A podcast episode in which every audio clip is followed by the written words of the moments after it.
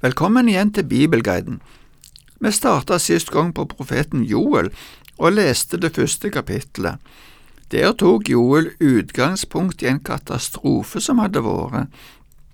Store svermer av gresshopper hadde ødelagt landet, men i stedet for å trøste bruker Joel denne katastrofen til å varsle at Gud vil sende en enda større katastrofe for å dømme landet. Herrens dag er et uttrykk Joel bruker mye i sin profeti, og det er òg sentralt i det kapitlet som vi skal lese nå. Vi skal først lese de første elleve versene i kapittel to, og sette overskrift over dette avsnittet Herrens dag er nær. Blås i horn på Sion, og løft hærrop på mitt hellige fjell, så alle i landet skjelver. For Herrens dag kommer, den er nær. En dag med mulm og mørke, en dag med skyer og skodde.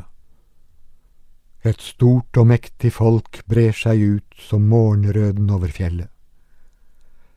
Det har aldri hatt sin like i tider som var, og vil aldri få det i år som kommer, så lenge slekt følger slekt. Ild fortærer foran dem, og etter dem slikker flammen. Landet foran dem er som Edens hage, etter dem er en øde ørken, ingen slipper unna. Som hester er de å se til, som hingster springer de fram, som krigsvogner over fjellene skramler de fram, lik ild som knitrer i halmen, lik et sterkt folk rustet til krig. Folkeslag skjelver for dem, hvert ansikt blir rødt. Som krigere styrter de fram, som stridsmenn stormer de murer, hver mann går strake veien fram og bøyer ikke av fra stien. De presser ikke hverandre bort, hver mann holder sin plass. Mellom kastespyd styrter de fram og lar seg ikke stanse. De farer inn i byen, de stormer opp på muren, de trenger inn i husene, gjennom vinduer går de som tyver. Jorden skjelver foran dem, og himmelen rister. Sol og måne svartner, og stjernene mister sin glans. Herren hever stemmen foran sin hær, for veldig er hæren hans, og mektig er de som lyder hans ord. Ja, stor og skremmende er Herrens dag, hvem kan holde den ut? Avsnittet begynner med en oppfordring til å blåse i horn. Det er en oppfordring til å advare. For å forstå sammenhengen kan vi nevne at det var vektere rundt omkring som skulle varsle når det kom krigsherrer innover landet. Disse skulle speide ut over landskapet, og hvis de så noe mistenkelig, så skulle de blåse i horn og varsle folk i byene om å gjøre seg klar til motstand. Esekiel tar opp denne tanken i kapittel 33, der det sies at han er blitt sett til vekter for sitt folk. Han har et ansvar for å varsle. Hvis han ikke varsler, vil han ha ansvar for det som skjer, men hvis folket ikke klarer å gjøre motstand selv om de har blitt varsla, er allikevel vekteren fri for skyld for det som skjedde.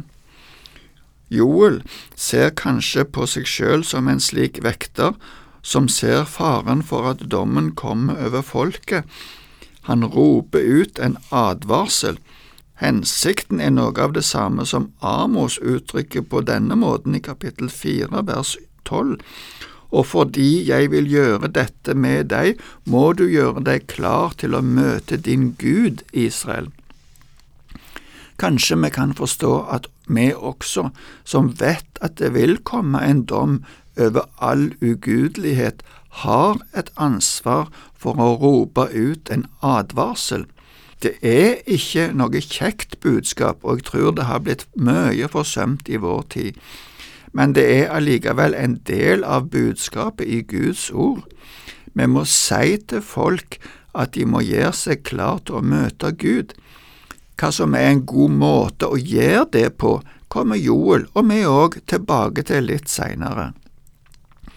Herrens dag kommer, den er nær, sier Joel videre. Jesus sa òg at han kommer snart igjen. I Peters andre brev tar Peter opp denne tanken i kapittel tre. Der blir det spurt hvor det blir av Jesu gjenkomst. Det skulle jo skje snart, men det har fremdeles ikke skjedd. Peter svarer at det er fordi Gud er tålmodig, og han vil ikke at noen skal gå fortapt, men at de skal omvende seg. Likevel er det klart at en dag vil det skje. Derfor må vi være klar når den dagen kommer. Dagen beskrives i fortsettelsen i mørke farger. Gresshoppesvermene er nok fremdeles i tanken, de kommer gjerne som mørke skyer, og de farer rett fram uten å bøye av for noe. Det samme gjelder skogbranner, det kan òg være noe som er med i denne beskrivelsen som Joel presenterer. Det er umulig å stanse. Så ser nok òg Joel de forskjellige fiendemaktene som ville komme over Israel. Først var det asyrerne, så kom babylonerne, og etterpå kom romerne. Og enda lenger fram tror jeg òg Joel ser for seg Antikrist sine hærer som kommer for det siste store oppgjør her kan vi se mer detaljer hos Esekiel i kapittel 38, men jeg tror òg Joel ser noe av dette i sitt indre. Jesus nevner òg i sin tale om endetida at sol og måne skal bli formørka, og at himmelens krefter skal rokkes. Johannes' åpenbaring skildrer òg dette i kapittel seks. Det avsnittet som vi leste, avslutter med ordet Ja, stor og skremmende er Herrens dag. Hvem kan utholde den? Foran fiendene er det som Edens hage, og etter de som en øde ørken. Det leste vi òg i vers tre. Svaret på spørsmålet fra Joel kommer i fortsettelsen, og vi skal lese nå fra vers 12 til 17. Men selv nå, sier Herren, vend om til meg av hele deres hjerte, med faste og gråt og klage. Riv hjertet i stykker, ikke klærne. Vend om til Herren deres Gud, for Han er nådig og barmhjertig, sen til vrede og rik på miskunn, og Han kan angre på ulykken. Hvem vet om Han vender om og angrer og legger velsignelse etter seg? Grødeoffer og drikkoffer for Herren deres Gud. Blås i horn på Sion, rop ut en hellig faste, kunngjør en høytidssamling. Kall folket sammen, hellige forsamlingen. La de gamle samle seg, og la småbarn og spedbarn komme sammen. La brudgommen gå ut fra sitt rom og bruden fra sitt kammer. Mellom forhall og alter skal prestene, Herrens tjenere, gråte og si, Herre, spar ditt folk, gjør ikke din eiendom til spott, så folkeslag får herske over dem. Hvorfor skal de si blant folkene, Hvor er deres Gud? Selv nå, sier Joel, trusselen om dom henger over de, men allikevel kommer henstillingen ifra Herren gjennom Joel at folket skal vende om til Herren. Så lenge dommens dag ikke har kommet, ikke har blitt iverksatt, er det fremdeles tid til å vende om. Med uttrykket selv nå ser vi et glimt av Guds tålmodighet. I vers 13 blir det vist til Guds egenskaper. Han er nådig og barmhjertig, sen til vrede og rik på miskunn. Disse uttrykkene blir sagt mange ganger om Gud i Det gamle testamentet. Første gangen de kommer på en slik samla måte, var etter at Israel hadde synda og lagt en gullkalv. Moses gikk opp på fjellet for å be Gud om tilgivelse, men han lurte på om han kunne få se Guds herlighet. Han fikk ikke se Guds ansikt, men Herren gikk forbi han og ropte ut disse egenskapene om seg sjøl. Det står det om i Andre Mosebok 34. Salmene 86, 103 og 145 henter òg fram disse uttrykker, og dessuten ser vi at Jonah nevner at Gud er slik. I Jonah-boka er det nettopp det som skjer, som profeten Joel her sier at kan skje. Jonah forkynte dom over Ninive, og han ble sur, kan vi si, når denne dommen ikke ble utført fordi Gud så at folket vendte om og ropte til Gud om frelse. Guds barmhjertighet var mye større enn den Jonas kjente på. Som vi sa sist gang, er det vanskelig å plassere Joel nøyaktig tidsmessig.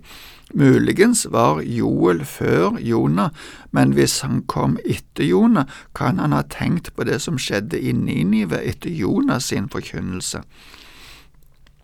Det er òg et interessant uttrykk Joel bruker i forbindelse med den omvendelsen han håper skal komme.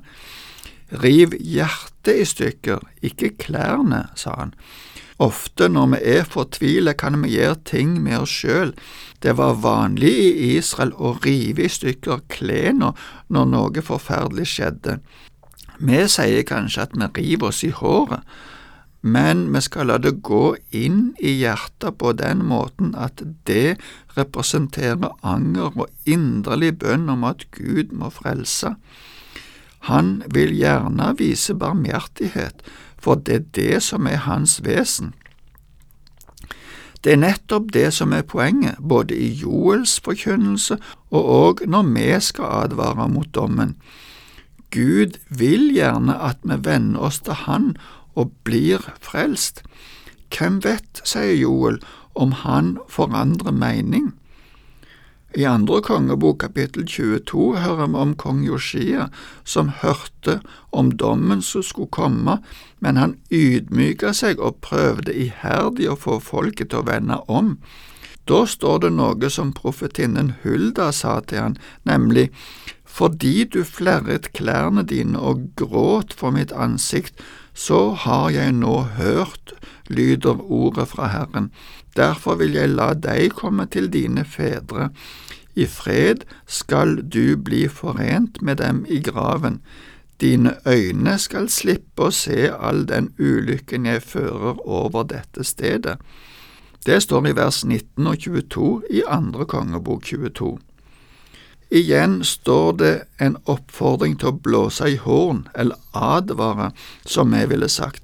La oss sjøl bli advart, og advare andre, og oppfordre hverandre til å vende oss helhjerta til Herren og til Hans ord.